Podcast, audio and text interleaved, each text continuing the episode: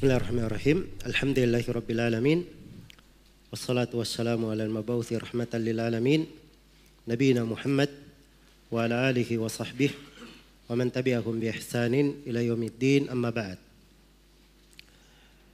Baik ini sesi yang pertama dari kajian kita membahas kitab Al-Manzumah Al-Mimiyah fil Wasaya wal Adab Al-Ilmiyah karya Syekh Al-Allamah Hafidh Ibn Ahmad Al-Hakami rahimahullahu taala. Iya.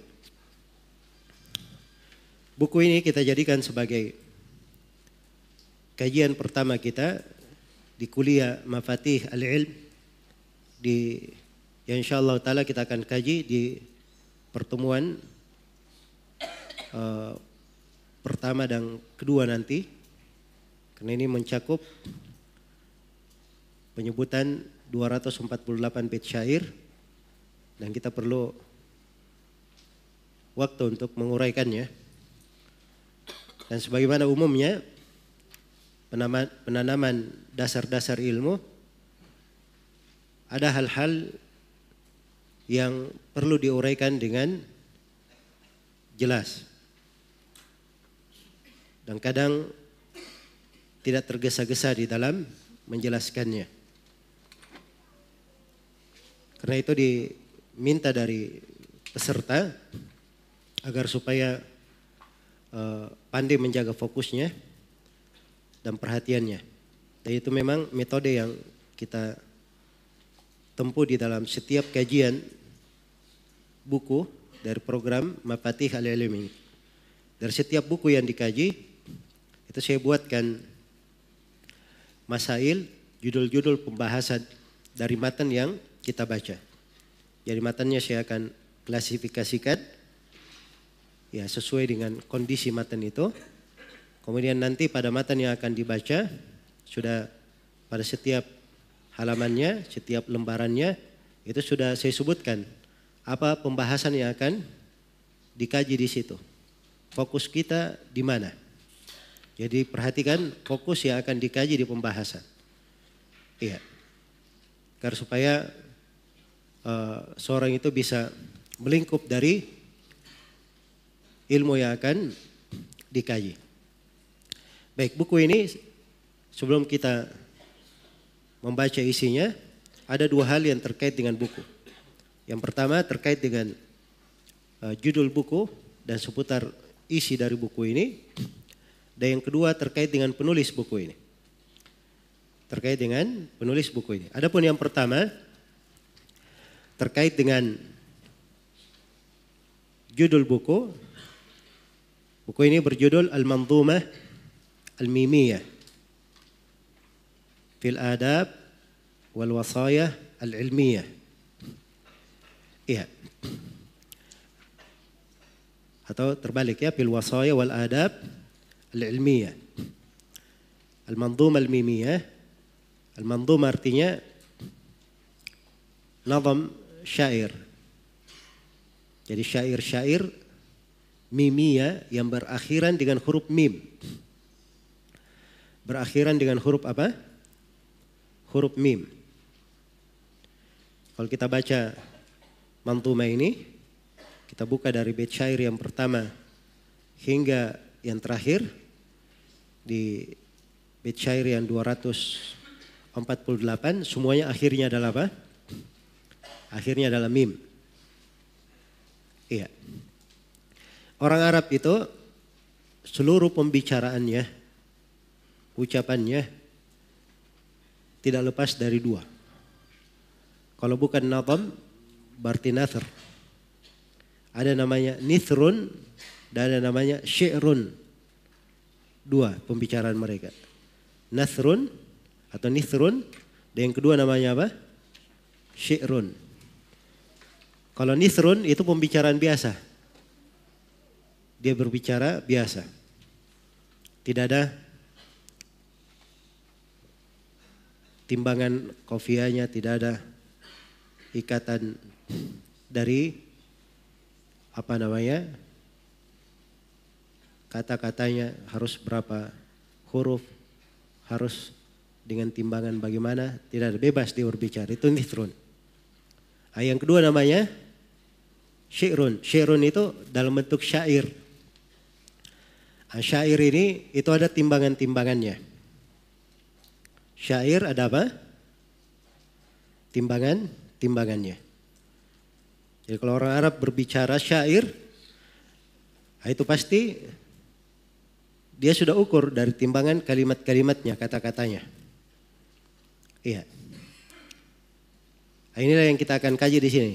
Al-Mandhum al-Mimiyah ini terkait dengan syair yang berakhir dalam huruf apa? Huruf mim. Syair-syair orang Arab itu dibahasakan oleh Al-Khalili yang Al-Khalili ini apa Al-Khalil bin Ahmad Al-Farahidi rahimahullah beliau adalah orang yang paling pertama membuat menyusun kaidah-kaidah seputar syairnya orang-orang Arab. Jadi dia dengarkan, dia pelajari secara detail syairnya orang-orang Arab, kemudian dia simpulkan bahwa syair mereka itu begini dan begini. Iya. Syairnya begini dan begini. Maka Al-Khalil Ibn Ahmad beliau menyebut syair-syair itu dengan nama Al-Buhur, lautan-lautan. Kenapa dikatakan lautan? Sebab lautan itu tidak ada habisnya. Sama syair juga seperti itu, tidak ada habisnya. Jadi seorang bikin timbangan apa? Dengan timbangan itu nanti dia bisa bikin syair sebanyak apa pun, tidak ada batasannya. Jelas ya? Tidak ada batasannya. Ya, karena kita sudah membahas tentang apa namanya? syair, maka saya isyaratkan bahwa syair yang disebut oleh penulis di sini itu timbangannya dia masuknya ke dalam Al-Bahrul Basit. Masuk ke dalam Al-Bahr Al-Basit. Iya. Dikatakan Al-Basit sebab dia luas dari apa kalimat-kalimatnya dan biasanya Bahrul Basit ini dipakai oleh orang Arab untuk membahasakan hal-hal yang serius. Dipakai untuk membahasakan hal-hal yang apa? Hal-hal yang serius. Iya. Dan ini ilmu tentang syair ada ilmunya tersendiri ya. Ya, tidak masuk di mafatih al ilm di sini. Sebab dia bukan ilmu yang dikatakan wajib dipelajari. Tidak. Itu kadar mempercantik saja dan memperbagus. Ya mungkin layak dipelajari dan apa namanya nggak bagus kalau tidak dipelajari kalau dia adalah seorang penuntut ilmu banyak menghafal matan misalnya apalagi dia sudah mengajar kemudian dia tidak pelajari maka itu kadang dikatakan tidak layak. Dia tidak mempelajarinya. Sebab rentang dia jatuh di dalam apa? Kekeliruan-kekeliruan nanti di dalam membaca. Al-Bahrul Basit kuncinya di dalam timbangan syair iya. Kuncinya innal basita ladaihi yubsatul amalu Mustaf'ilun fa'ilun, mustaf'ilun fa'ilun. Bisa diikuti? Hah? Oh ya. Baik. Innal basita.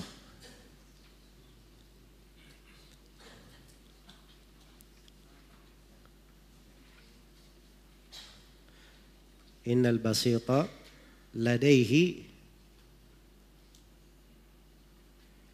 yubsatu al-amalu. Jadi kalau dibaca di, itu tulisannya begitu ya. Kalau bacanya disambung. Innal basita ladaihi yubsatul amalu. Itu potongan yang pertama. Syair itu dia paling sedikit ada dua potongan. Ada awalnya dan ada apa? Akhirnya. Ada awal dan ada akhirnya. Umumnya di syairnya orang Arab seperti itu. Iya. Jadi potongan awalnya innal basita ladaihi yubsatul amalu. Nah.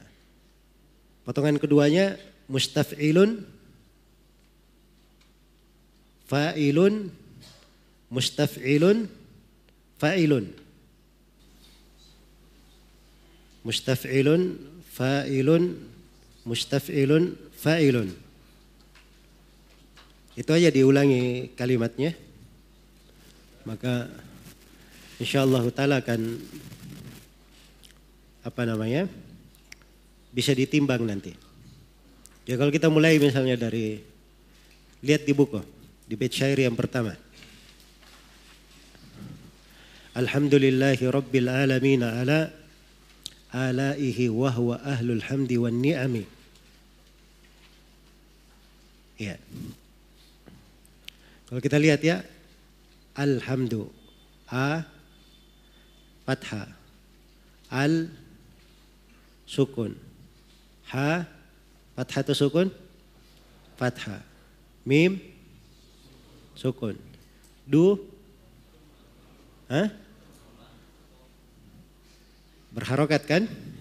Jadi kalau syair itu cuma dua, berharokat atau sukun itu aja. Harokat ada berapa? Tiga, bisa fathah, bisa kasro, bisa doma. Li berharokat. Li lil. Hah? Lam di situ. Sukun. Nah, ini sudah mustafilun. Itu sudah mustafilun sampai situ. Jelas ya? Jadi a mu. Al sin. Mus. Hamdu hamdu taf. Ya. Ham. Dulil lun. Jadi mustafilun. Lillahi Alhamdulillahi Rabbil Alamina. La ada dua ya. La dengan alif. Berarti fa. Begitu kan? Dua. Harokat dengan sukun. Lillahi Rabbi hi harokat. Ra harokat. Ba sukun. Ya. Ini fa'ilun. Fa'ilun. Lillahi Rabb itu fa'ilun. Lahi Rabb itu fa'ilun bi rabbil. Nah ini sama mustafilun lagi. Rabbil a lami sampai mi itu mustafilun. Na ala na harokat. A harokat. La harokat. Fathah di belakangnya dihitung sukun. Jadi itu fa'ilun. Jelas ya? Jadi timbangannya seperti itu. Dia tidak keluar dari timbangan. Kalau syair. Iya Nah, orang bisa tahu cara membacanya nanti. Ya. Alhamdulillahi Rabbil alamin ala alaihi wahwa ahlul hamdi wan ni'ami. Di situ wahwa kalau lihat di bait syair pertama wahwa ya. Ini kan bisa dibaca wahwa, bisa dibaca apa? Wahwa. Kenapa kita baca wahwa? Nah, itu fungsinya kenal timbangan syair. Ya, sebab kalau Dibaca wahua timbangannya akan bengkok nanti. Akan bengkok. Jelas ya? Jadi baca, coba lihat. Alaihi. A mus la taf ihi a, ihi hinya di situ panjang ya, cuma tidak kelihatan hinya. Itu mustafilun ya. Wahwa ahlu. Wahwa ahlu. A, ini fa'ilun. Wahwa ah itu fa'ilun. Lul hamdi wan ni'ami itu mustafilun. Lul hamdi wan itu mustafilun, ni'ami itu fa'ilun. Ya, jadi timbangannya seperti itu. Kalau hafal timbangan itu tadi, innal basita ladaihi yubsatul amalu mustafilun fa'ilun mustafilun fa'ilun. Baik. Ini urusannya uh, ada pembahasan tersendiri masalah syair. Ada ilmunya. Kita akan kaji nanti di apa namanya tingkatan kedua atau ketiga. Ya. Sengaja saya ingatkan di sini supaya ditahu saja dulu bahwa semua kalimat dari syari yang kita baca itu ada timbangannya. Jadi tidak sembarang sembarang berbicara juga. Karena itu pentingnya dibabat dari kata-katanya dan dipelajari secara khusus. Baik. Jadi ini satu pembahasan terkait dengan masalah judul buku Al-Manduma Al-Mimiyah. Isi dari buku ini sebagaimana di judul Fil Wasaya wal Adab Al-Ilmiyah tentang wasiat-wasiat dan adab-adab ilmiah. Karena di buku ini penulis memberikan pendahuluan. Setelah itu beliau jelaskan tentang keutamaan ilmu. Setelah itu beliau terangkan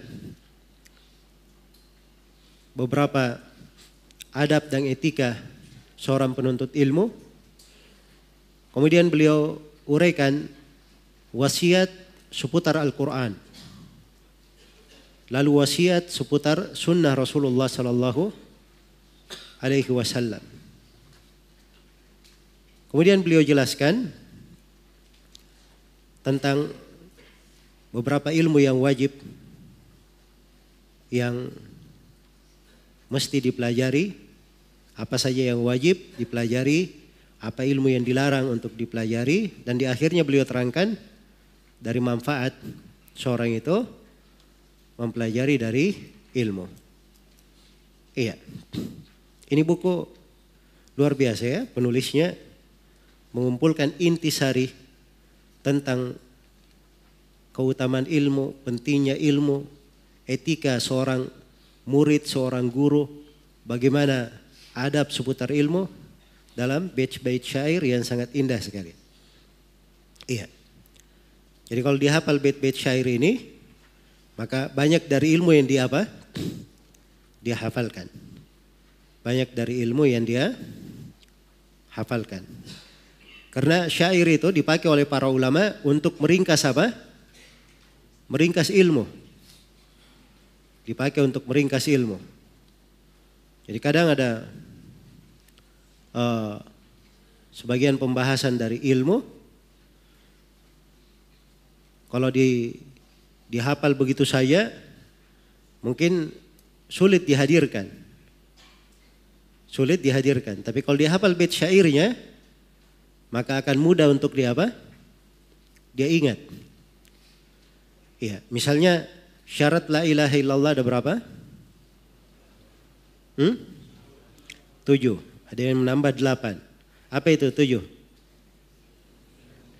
Ilmu, Yakin?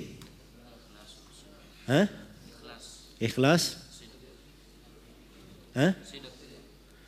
Mahabbah kecintaan? Hmm? Hah? Alingkiat, terikat? Al-qabul? Hah? Menerima? Masih ada yang kurang satu. Kejujuran, asidik, kejujuran. Ya. Baik. Kalau ditambah yang kedelapan, kafir terhadap apa? Segala yang diibadahi selain daripada Allah. Nah, itu kalau dihafal delapan kan kadang ingat, kadang tidak ingat. Tapi kalau dihafal bait syair ya mudah. Ilmun yaqinun wa ikhlasun wa sidqu kama mahabbatin wal inqiyadi wal qubuli laha wa zida thaminuha wa huwal kufranu minka bima siwal ilahi minal asya'i qad uliha. Sudah hafal dua bait syair aman. Hah? Itu fungsinya seorang menghafal apa? Syair. Baik. Ada delapan makhluk yang Allah Subhanahu wa taala ciptakan untuk dikekalkan. Hah? Apa delapan makhluk itu? Arsh, Kursi? Hah? Sorga neraka? Qalam? Lauh? Ruh? dan ajabud danab, tulang ekor manusia. Dikumpul dalam dua bait syair. Kata Suyuti thamaniyatun hukmul baqa'i ya ummuha min al khalqi wal bakuna fi hayyizil adami hiya al arshu wal kursiyu jannatun wa nar. Terus wa ajabun wa kadallahu wal qalami. Kadarrauhu wal qalami. Nah, jadi kalau dia hafal dua bait syair akan apa? Mudah mengingatnya. Iya. Kan mudah untuk diingat. Nah itu banyak ya, bukan di ini dua contoh di pembahasan akidah. Ada di pembahasan fikih, ada di pembahasan hadith, ada di pembahasan. Jadi kalau ingat dari bait-bait syairnya akan gampang menghafal ilmu itu. Nah, ini ilmu kalau dia dalam bentuk bait syair. Ada juga matan-matan ilmiah yang kita kaji nanti kan ada matan-matan cuma ringkasan saja tidak disebut dalil. Iya, ringkasan. Nah, itu juga mudah mengumpulkan kesimpulan-kesimpulan ilmu. Aja kalau seorang perhatian dengan hal itu, dia akan punya pondasi kuat. Dia punya pondasi kuat di dalam ilmu. Baik. Kemudian terkait dengan masalah uh, yang kedua, seputar penulis. Ya. Penulis rahimahullahu taala sudah tertulis ya namanya di buku bahwa beliau nama lengkapnya siapa?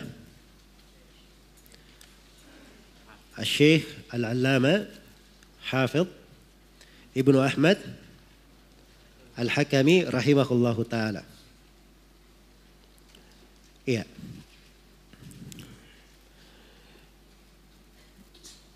Beliau ini dari Syekhu Masyaikhina. Guru dari para guru kami. Kalau bahasa bebasnya kakek guru kami. Iya. Karena saya berguru dari beberapa orang guru. Mereka semuanya pernah menimba ilmu dari Syekh Hafid Al-Hakami. Di antara guru kami Syekh Zaid bin Muhammad bin Hadi Al-Madakhali rahimahullahu taala dan beliau ini dari pemuka murid-murid Hafid Al-Hakami. Demikian pula dihitung murid beliau walaupun sebenarnya beliau adalah rekan Hafid Al-Hakami, guru kami Syekh Ahmad bin Yahya An-Najmi, mufti Saudi Arabia bagian selatan. Dan juga dari guru kami yang berguru dari Hafid Al-Hakami adalah Syekh Rabi' bin Hadi Al-Madkhali. Demikian pula guru kami Syekh Abdullah Ibn Abdul Aziz Ibn Akil rahimahumullahu jami'an wa hafidha al-ahya. Baik. Hafidh Al-Hakabi rahimahullahu taala nama lengkapnya Hafidh Ibnu Ahmad bin Ali Al-Hakami. Al-Hakami ini nisbat kepada Ibnu Sa'ad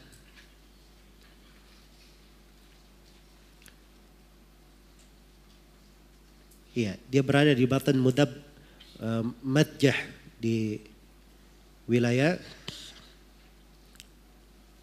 timur Jazan atau di wilayah selatan Jazan. Jelas kabilah Al-Hakam ini waktu saya eh, berada di Samitah kawan-kawan menunjukkan di mana tempat lahirnya Hafidh Al-Hakami dan di mana kebanyakannya orang-orang Al-Hakami itu tinggal. Iya. Beliau lahir pada tahun atau beliau lahir pada tanggal 24 Ramadan tahun 1342 Hijriah. 1342 Hijriah. Baik, masih dekat ya.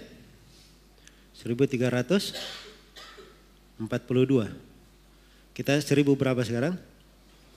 400 30 berapa? Iya 38, belum belum 100 tahun. Nah, tapi kita akan jelaskan ya bahwa meninggal, beliau meninggal di usia yang masih muda. Beliau tumbuh di sebagaimana umumnya anak-anak di negeri beliau. Iya. Tapi beliau tidak belajar dari kecil. Nanti setelah muda baru beliau mulai belajar.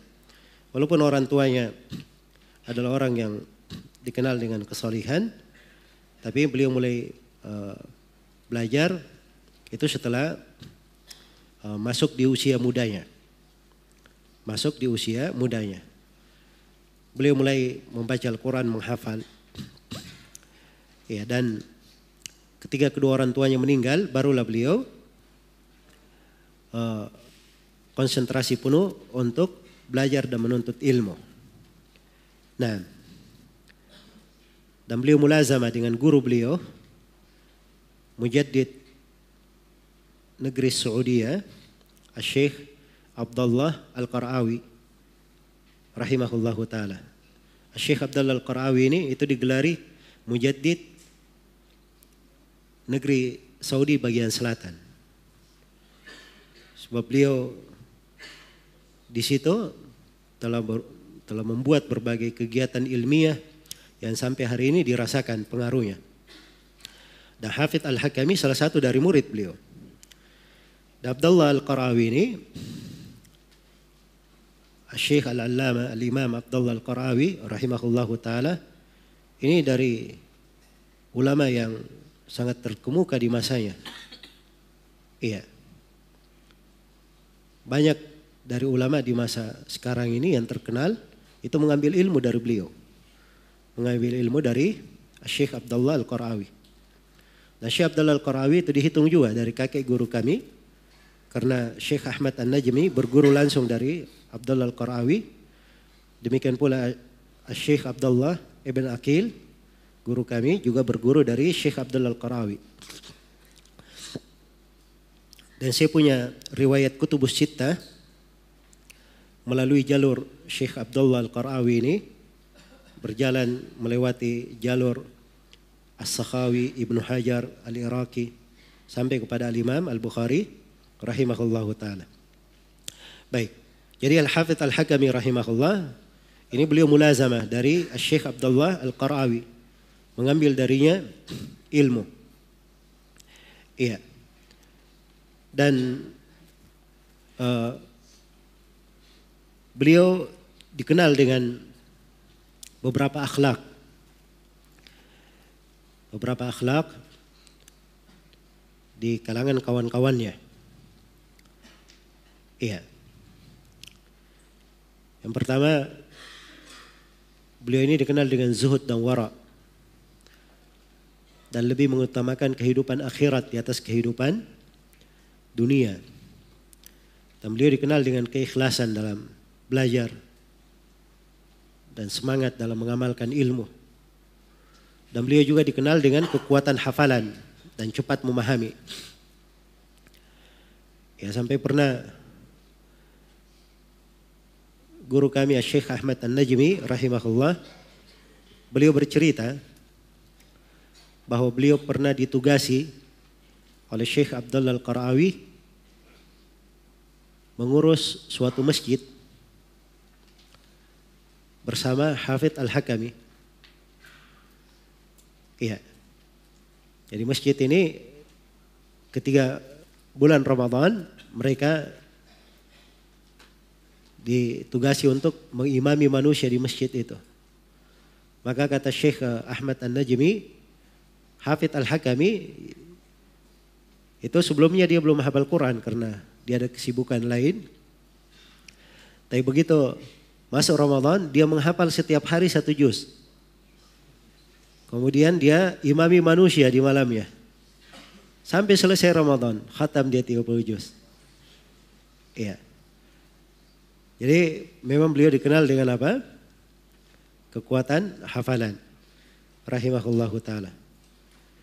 Dan ini memang bait-bait syair yang beliau sebutkan di sini itu menunjukkan luasnya dari pemahaman beliau dan dalamnya di dalam memakai kata-kata dan sangat tepat dalam menempatkan kalimat-kalimat sehingga memiliki makna-makna yang mendalam. beliau mengajar setelah itu dari kerjaan yang beliau uh, tekuni, beliau mengajar di madrasah Salafiyah di Samitah. Kemudian beliau menjadi mudir madrasah Thanawiyah. Kemudian setelah dibuka Al-Mahad Al-Ilmi di Samitah, maka beliau menjadi mudirnya. Dan terus beliau mengajar di situ hingga beliau wafat di tahun 1377. Jadi ketika beliau wafat umurnya itu cuma 35 tahun dan 3 bulan. Beliau wafat di usia 35 tahun dan 3 bulan. Beliau wafat pada tahun 1377 tanggal 8 Dhul Hijjah. Dan beliau meninggal di Mekah karena penyakit yang beliau derita rahimahullahu taala. Iya. Karya tulis beliau banyak di masa ini yang menjadi rujukan. Ya, di antara yang paling terkenalnya adalah Ma'arij Al-Qabul. Syarah Sulamil Usul ila Ilmil Usul. Beliau punya mantuma seputar akidah. Kemudian beliau syarah sendiri Nah ini salah satu rujukan penting di dalam pembahasan akidah. Iya. Dan beliau juga punya buku As-Subulus Sawiyah li Fikhi As-Sunanil Mardiyah. Ini manduma seputar fikih. Ya. Itu yang disyarah oleh guru kami Syekh Zaid rahimahullahu taala. Di semua bidang ilmu dia punya mandumanya. Di mustalah ada, di usul fikih ada, di sirah ada, ya, di nahwu ada. Dan tampak sekali bagaimana beliau ini punya taksil ilmi yang sangat kuat. Karena itu beliau mampu meringkas ilmu itu ke murid-muridnya dengan bahasa yang paling apa? Paling bagusnya. Dengan bahasa yang paling bagusnya. Di umur beliau yang uh, hanya 35 tahun dengan karya ilmiah yang tercetak sekarang belasan dan masih ada yang belum tercetak. Kemudian dari apa namanya uh, pengaruh ilmiah dia mengajar, maka beliau rahimahullah taala memiliki jasa yang sangat besar di tengah manusia. Iya. Hingga hari ini di dihormati sampai sebagian jalan di Saudi Arabia di sana itu diberi nama dengan jalan Hafid Al-Hakami. Nah, baik. Jadi ini yang terkait dengan penulis rahimahullah taala secara ringkas.